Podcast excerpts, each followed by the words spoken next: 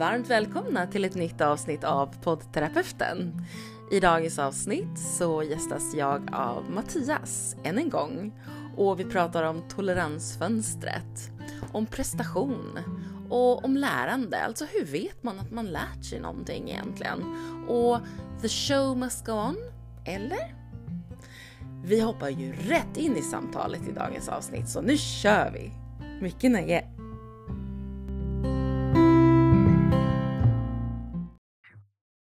Mattias! Hej Malin! Kommer du ihåg att du och jag pratade om det här en gång förut, att vi var ganska lika där, att, att eh, det blir väldigt, väldigt högt och så på med det adrenalinpåslaget, det stresspåslaget, alltså sympatiska nervsystemet triggas igång och sen så faller man nästan lika hårt sen tillbaka.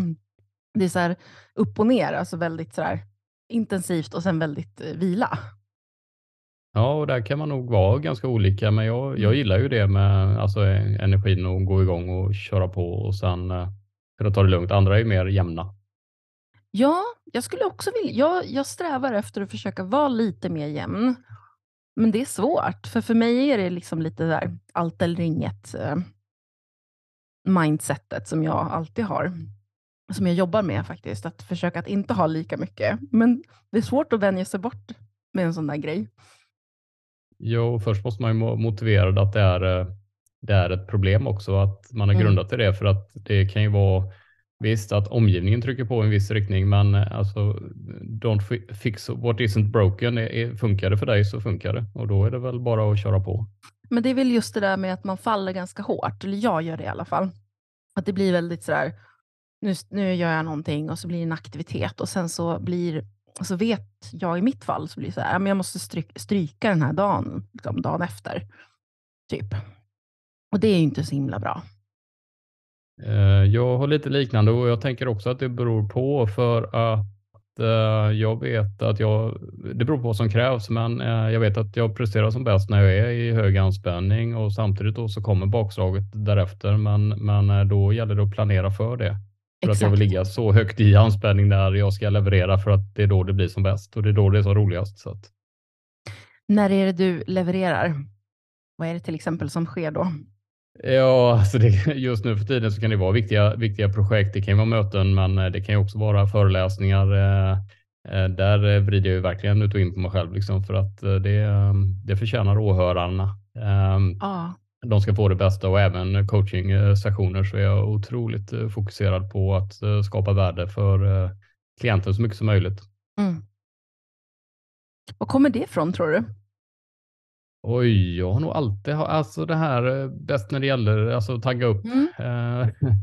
Det är lite grann som inför tävling att slappa, ladda, tagga upp så man har en optimal anspänning i samband med med prestationstillfället för att sedan kunna återhämta efter. Jag tycker det är fascinerande att, att kunna jobba med en mental tempoväxling så eh, ganska medvetet. Ja, men det gör jag med. Jag är uppväxt med, jag började på musikklass eh, när jag var 11. Um, ehm, och då redan när jag var 10 så gjorde jag min första audition uh, för att kunna börja på musikklass. Spelade in på, i, i Globen och vi när det invigdes och vi åkte på olika resor till olika länder och fick representera liksom, musikklassen i, i Sverige och sjöng för kungen. Och då var någonting med det där blev liksom så här att the show must go on och det blev så himla inpräntat i mig vid tidig ålder. Alltså så redan vid 11, liksom 10-11 så lärde jag mig liksom att när du ställer dig på scen, då är det show. Liksom. Och då, då, då får du inte visa varken att det gör ont eller att, det, eller att du har tråkigt. Eller, utan du ska bara sjunga. Liksom. Du ska bara göra, du ska bara leverera. Så i mitt fall så blev det liksom så tidigt inpräntat i mig. Och därför blev det svårt sen för mig att, ehm, att gå tillbaka därifrån. Liksom. Och jag inser nu att det låter som att jag sitter och skryter över det som jag gjorde, men jag vill egentligen bara visa liksom, nivån på, på någonting som kanske inte är så vanligt när man är så där liten tycker det är jätteintressant att du tar just det exemplet från musiken, för jag har inte själv den typen av exempel, däremot från idrott då. Mm. Uh, och uh, mot, eller en följdfråga på det då, är du, Eh, har du med dig den typen av strategier nu, medvetet eller omedvetet eller en kombination? Hur ser du på det nu? Ja, det är precis så att det bara triggas igång. Jag är medveten om det, men det är någonting som, som, som fundamentalt triggas igång. Som en sån här eh, startknapp som blev som implanterad i, i väldigt ung ålder. Att nu är det liksom nu är det show. Och den här, den här startknappen, den, den har jag aldrig riktigt kunnat bli av med, inte ens om jag försökt faktiskt. Nej, och det blir ju som det vi pratar om med mentalträningen, trigger då, som automatiserar. Det är som att tända lyset, liksom. då får man Exakt. ljuset. Och, ja och jag tycker det är intressant, för jag har några eh, alltså klienter jag har jobbat med nu som um, Alltså det kan ju vara precis som du beskriver att det har blivit automatiserat. Eh, men det, ibland upplever jag också att det kan vara att man har haft det här men inte sett överförings, alltså kopplingen till nuvarande prestationer. Så att ibland jobbar vi med att plocka fram de här gamla. Hur gjorde du när du höll på med idrott eller musik eller någonting liknande? Och hur gjorde du då för att förbereda dig inför prestationen? Ja, men då gjorde jag ju på ett visst sätt. Ja, okej. Okay. Och hur gör du idag? Ja, inte så. Nej, men Nej. plocka, fram, plocka fram det igen och överför det till dagens prestation, dagens scen dagens liksom, uppgift du ska lösa? Ja, för att det är intressant för att det där är verkligen som blivit som en superpower och som en kryptonit för mig. För att å ena sidan så vill jag liksom, då trycker man på den där knappen och så är det show. The show must go on. Och det har, ju för, det har ju räddat mig och varit mig behjälpligt i jättemånga situationer. Och i jättemånga situationer så har det varit helt fel. Och sen att kunna då anpassa sig till, till hur livet är idag. Eh, att det kanske inte alltid behöver vara show must go on. Du brukar ju säga, ja, men vad sa du, fail it forward och det är good enough liksom. Fail forward, ja. Fail forward. mm. eh, och bara den innehåller ju så många nyanser då för att ah. Ehm, behöver man trycka max, alltså i mentalträning pratar vi mycket om avspänd effektivitet, att fortfarande vara avspänd och vara effektiv och kanske hitta ett flow ehm, men är det, är det kamp på liv och död och överlevnad, då kanske man trycker, behöver verkligen behöver trycka på max och då får man det bakslaget. Men behöver man det i vardagen? Och eh, vad är good enough? För, för, ofta är det ju i ens egna huvud då och eh, perfektionism där och, och, det går ju att det går ju att hamna på båda sidor att man nästan slarvar och det är inte heller bra då. Då har man ju hamnat för lågt. Men eh, överarbeta uppgifter, det känner inget syfte heller. Nej, så ditt kommer från eh, idrotten sa du? Ja, det är nog bra. Ja, det, det är det nog eh, grunden sådär. Och sen har jag ju slipat på det när jag jobbade mycket yttre tjänst för att då, då krävdes det ju att ligga på, ehm, för då, då, då finns ju en överlevnadsaspekt i grunden med att då gäller det att vara på topp. Liksom, det går inte att slarva i det läget. Eh, och sen eh, men, men sen då att skapa förutsättningar för att hämta hem efteråt, det har inte alltid funnits så, så att det kanske inte har blivit lika automatiserat. Det är lättare upplever jag att gå upp i anspänningen att eh, hämta hem det efteråt. Ja, och, och det är ju faktiskt också om vi tittar på vår evolutionsmiljö så är det ju så vi är utformade som biologiska varelser att eh, det var viktigare för oss, det är viktigare för oss att eh, stressa upp än att varva ner. Ja, fly, fly från djuret eller ta fighten. Precis, för att om, om, om, om djuret kommer då är det ju viktigare för oss att vi kan liksom lägga på den där gasen snabbt. Och sen det här med att sen varva ner, det, det är inte lika viktigt för då kan du göra det liksom i lugn och ro själv på kammaren, man säger så. Eh, så är det och i dagens då arbetsklimat, var, kommer hotet ifrån? Eh, ah. Och det, det beror ju också på hur vi blir liksom betingade av detta och triggers eh, som automatiseras. Är det mejlen, telefonen, äh, mötena? Äh, när, när, ligger återhämtningen? När, finns, finns det några luckor i schemat överhuvudtaget? Mm. Framförallt är vi otränade i det tänker jag för att det går att träna upp den förmågan.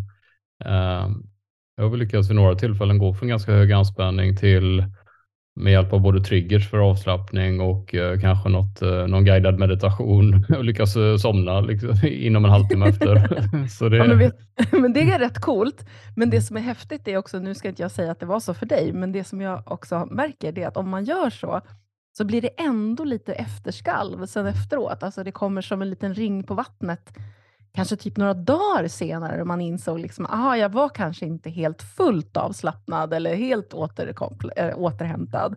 Det kanske kommer någonting ändå som har gjort att ja, jag kanske har varit liksom lite ovanför den här liksom toleransnivån ändå, fast man tror att man inte har varit det. Oj, vad snabbt jag lyckades slappna av och sen bara kom det typ dagen, dagen efter, bara, nej, det, jag skämtar bara. det hade jag inte. Jag tänker på det med eh, Anders Eriksson, här, peak, med deliberate practice och, och att ans alltså, hård ansträngning utanför komfortzonen. Ja. Eh, när man är i stretchzon och utmanar sig ordentligt. Det, alltså fördelen där, det är ju där utveckling sker, det är där det händer. Det är där man utvecklas framåt. Men nackdelen då, man behöver en förlängd återhämtning efteråt. Och det är det som är så viktigt då att vara i självledarskapet och att planera för det. Eh, ta höjd för det att det kan komma ett bakslag och då ha möjligheten så man inte är helt tecknad även efter en prestation. Ja, men exakt. Och sen också kan en annan eh, fälla som jag har märkt, eh, det är också att man ska aldrig, eller så här, det är lätt att man eh, blandar ihop återhämtning och avslappning med att man hamnar under eh, vi, vi, kallar det för toleransfönstret, att du hamnar under det när du blir avstängd. Du stänger av dig själv. För då är, då, det är inte avslappning och det är inte återhämtning, utan det är ju snarare att du sätter eh, kroppen på shutdown. Och där sker det liksom ingen regenerering av eh, nerver och återhämtning, utan där är du bara avstängd. Liksom. Så det kan också vara en liten så här, eh, ja, man kan ju vara uppmärksam på, är det verkligen avslappning eller är det bara att jag stänger av? Sådär. Den är också ja, jättespännande. Ja, det, det, var, det var ganska nytt för mig, så jag blir jättenyfiken. Det var ja. jättespännande. Ja, den är ju cool den där.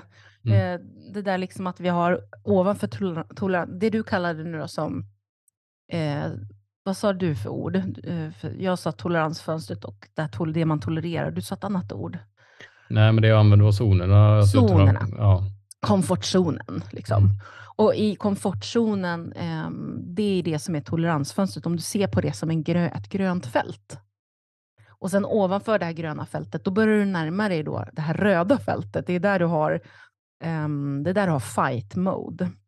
Alltså du, du liksom, mm, eh, det här sympatiska nervsystemet det jackar upp dig. Liksom, den här knappen trycks på. Mm.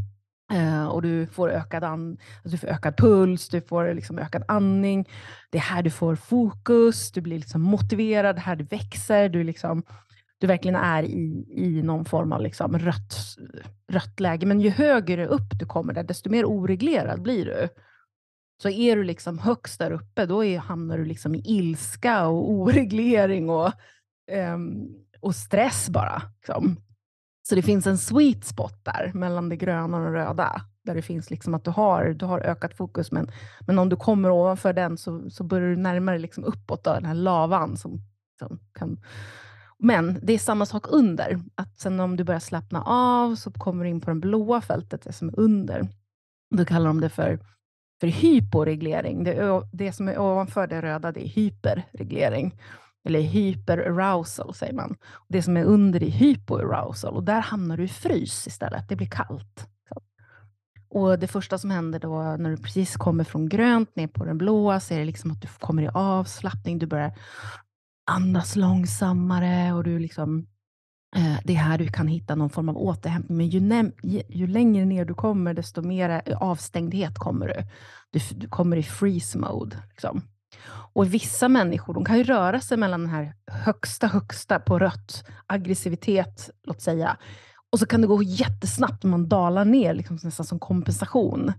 Och då hamnar du liksom i oreglering neråt, att du liksom hamnar i freeze och så är du helt avdomnad. Och, har liksom, och så kan det, kan det vibrera sådär mellan de här två.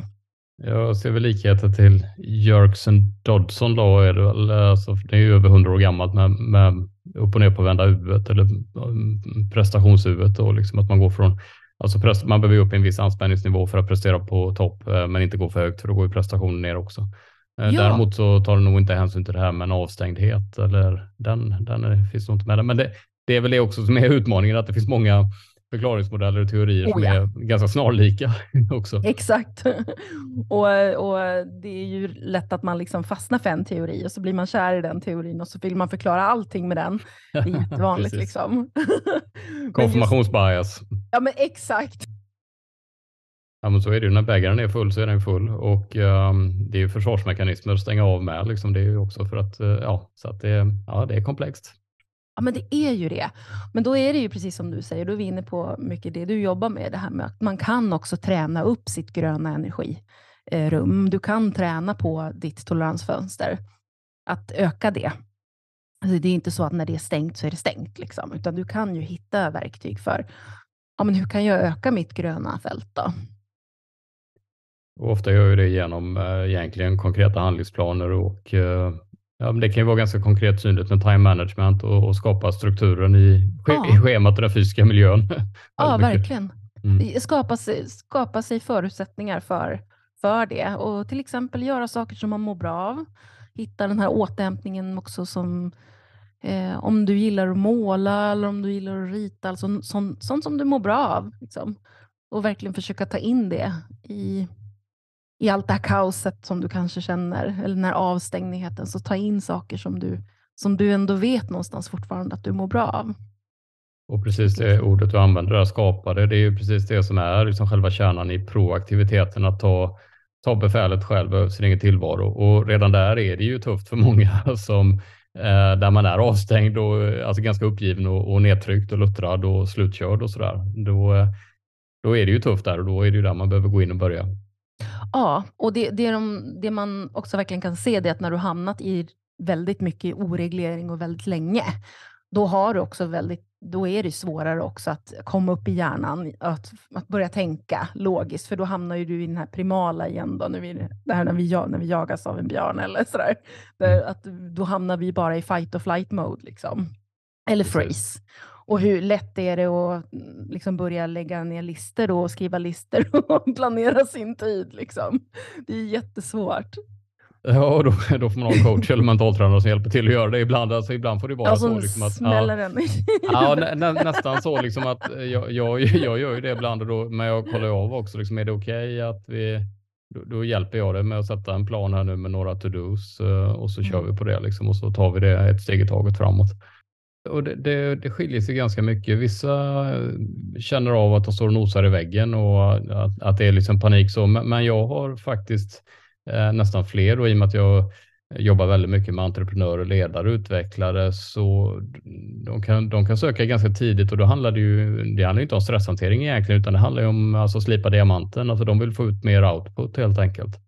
Um, vässa systemet helt enkelt och förebygga förekomma då stress till exempel. Men ehm, ja, så det kan ju vara hela spektrat. Vi gör alltid det bästa med det vi har om man säger så. Det, det är utgångspunkten. Och, och, det fascinerande är ju att um, det kan ju svänga så fort i och med att jag jobbar med iterering och handlingsplaner och så där, att det kan, eh, alltså när man är mitt i det kan det kännas eh, att det går snabbt, flaxigt, men när man tar lite perspektiv och blickar bakåt så ser man ju att det har gått väldigt fort att lösa saker också. Ja, precis.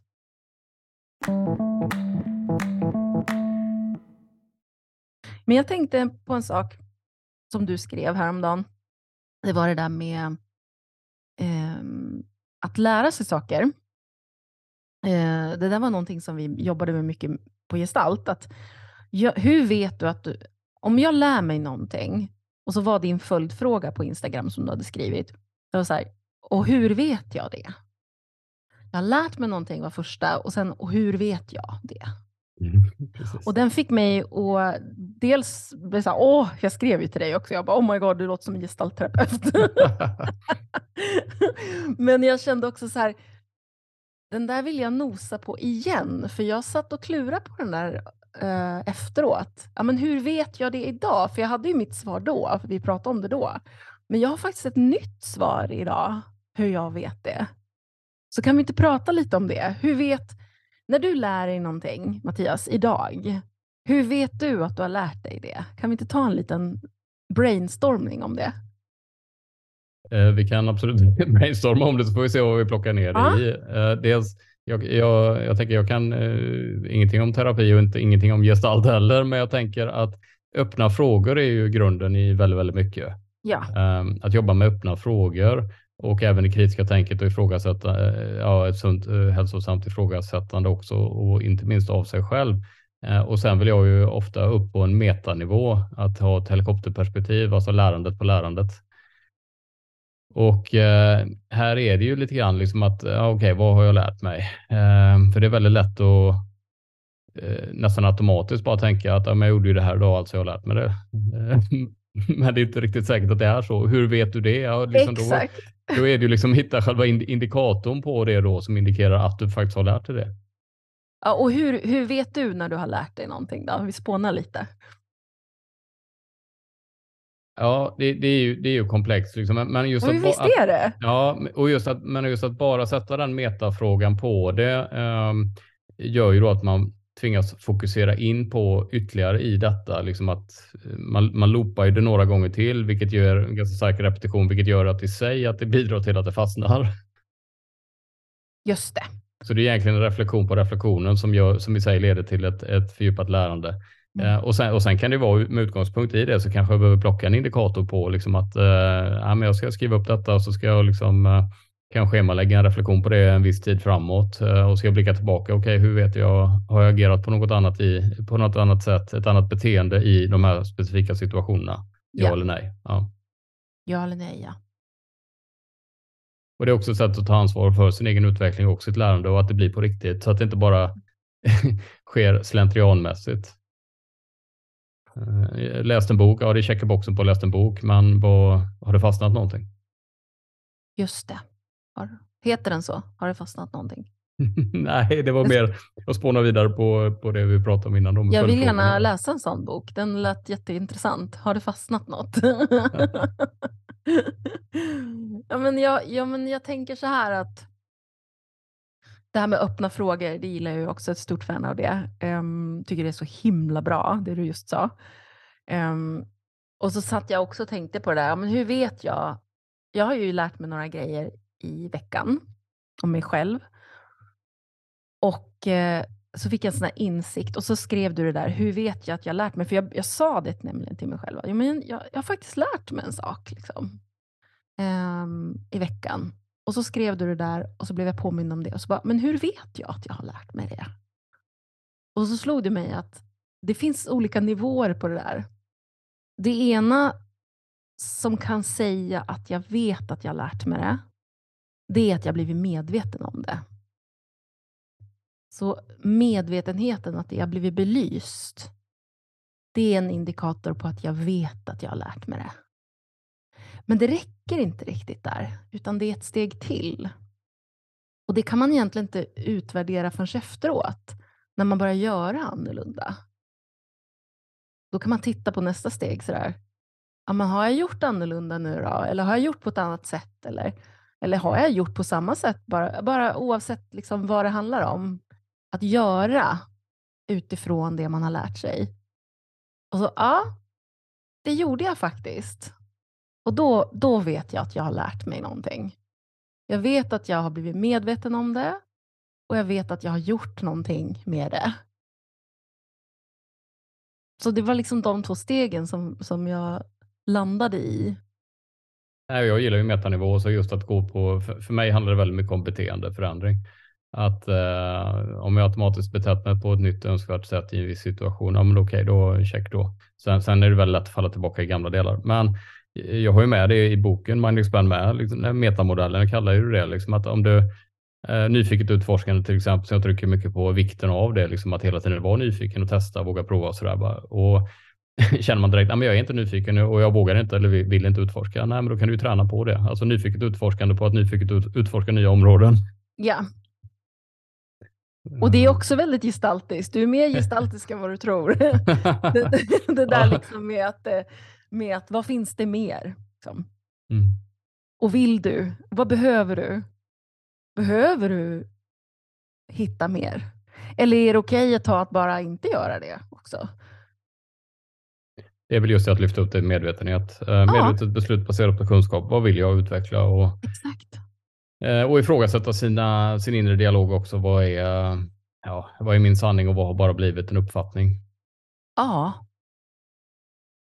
vad är min sanning och vad har bara blivit en uppfattning? Det där tyckte jag var väldigt, väldigt intressant.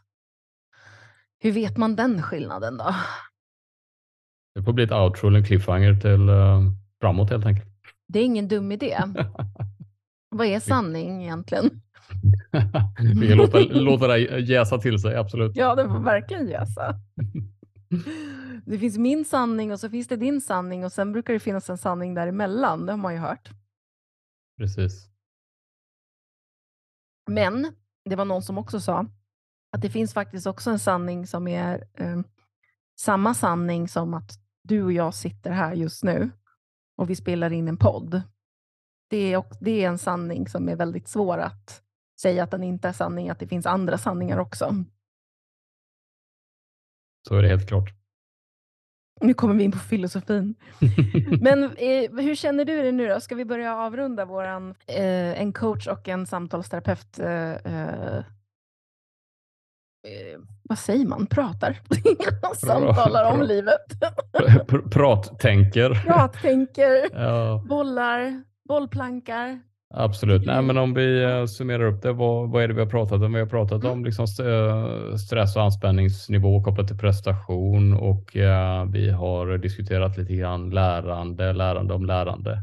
Mm. Uh, hur vi skapar utveckling och förutsättningar för det, hur vi kommer framåt. Ah. Det är det jag tar med mig. Det är det jag har lärt mig och hur vet jag att jag har lärt mig det då? ja, säg. Jag vet inte. Nej, jag vet inte heller. Jag får fundera på den.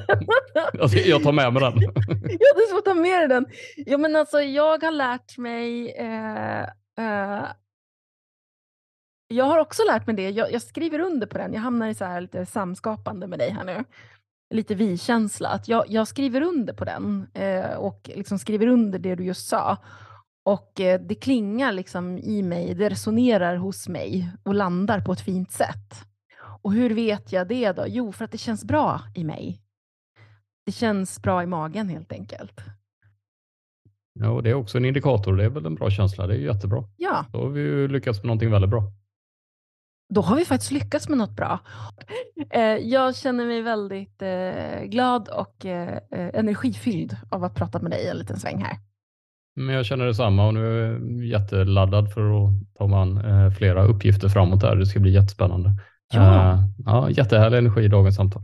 Ja, superduper Tack till dig Mattias för ett härligt samtal um, och tack till dig som har lyssnat. Tack så mycket Malin. Hej då! Hej då!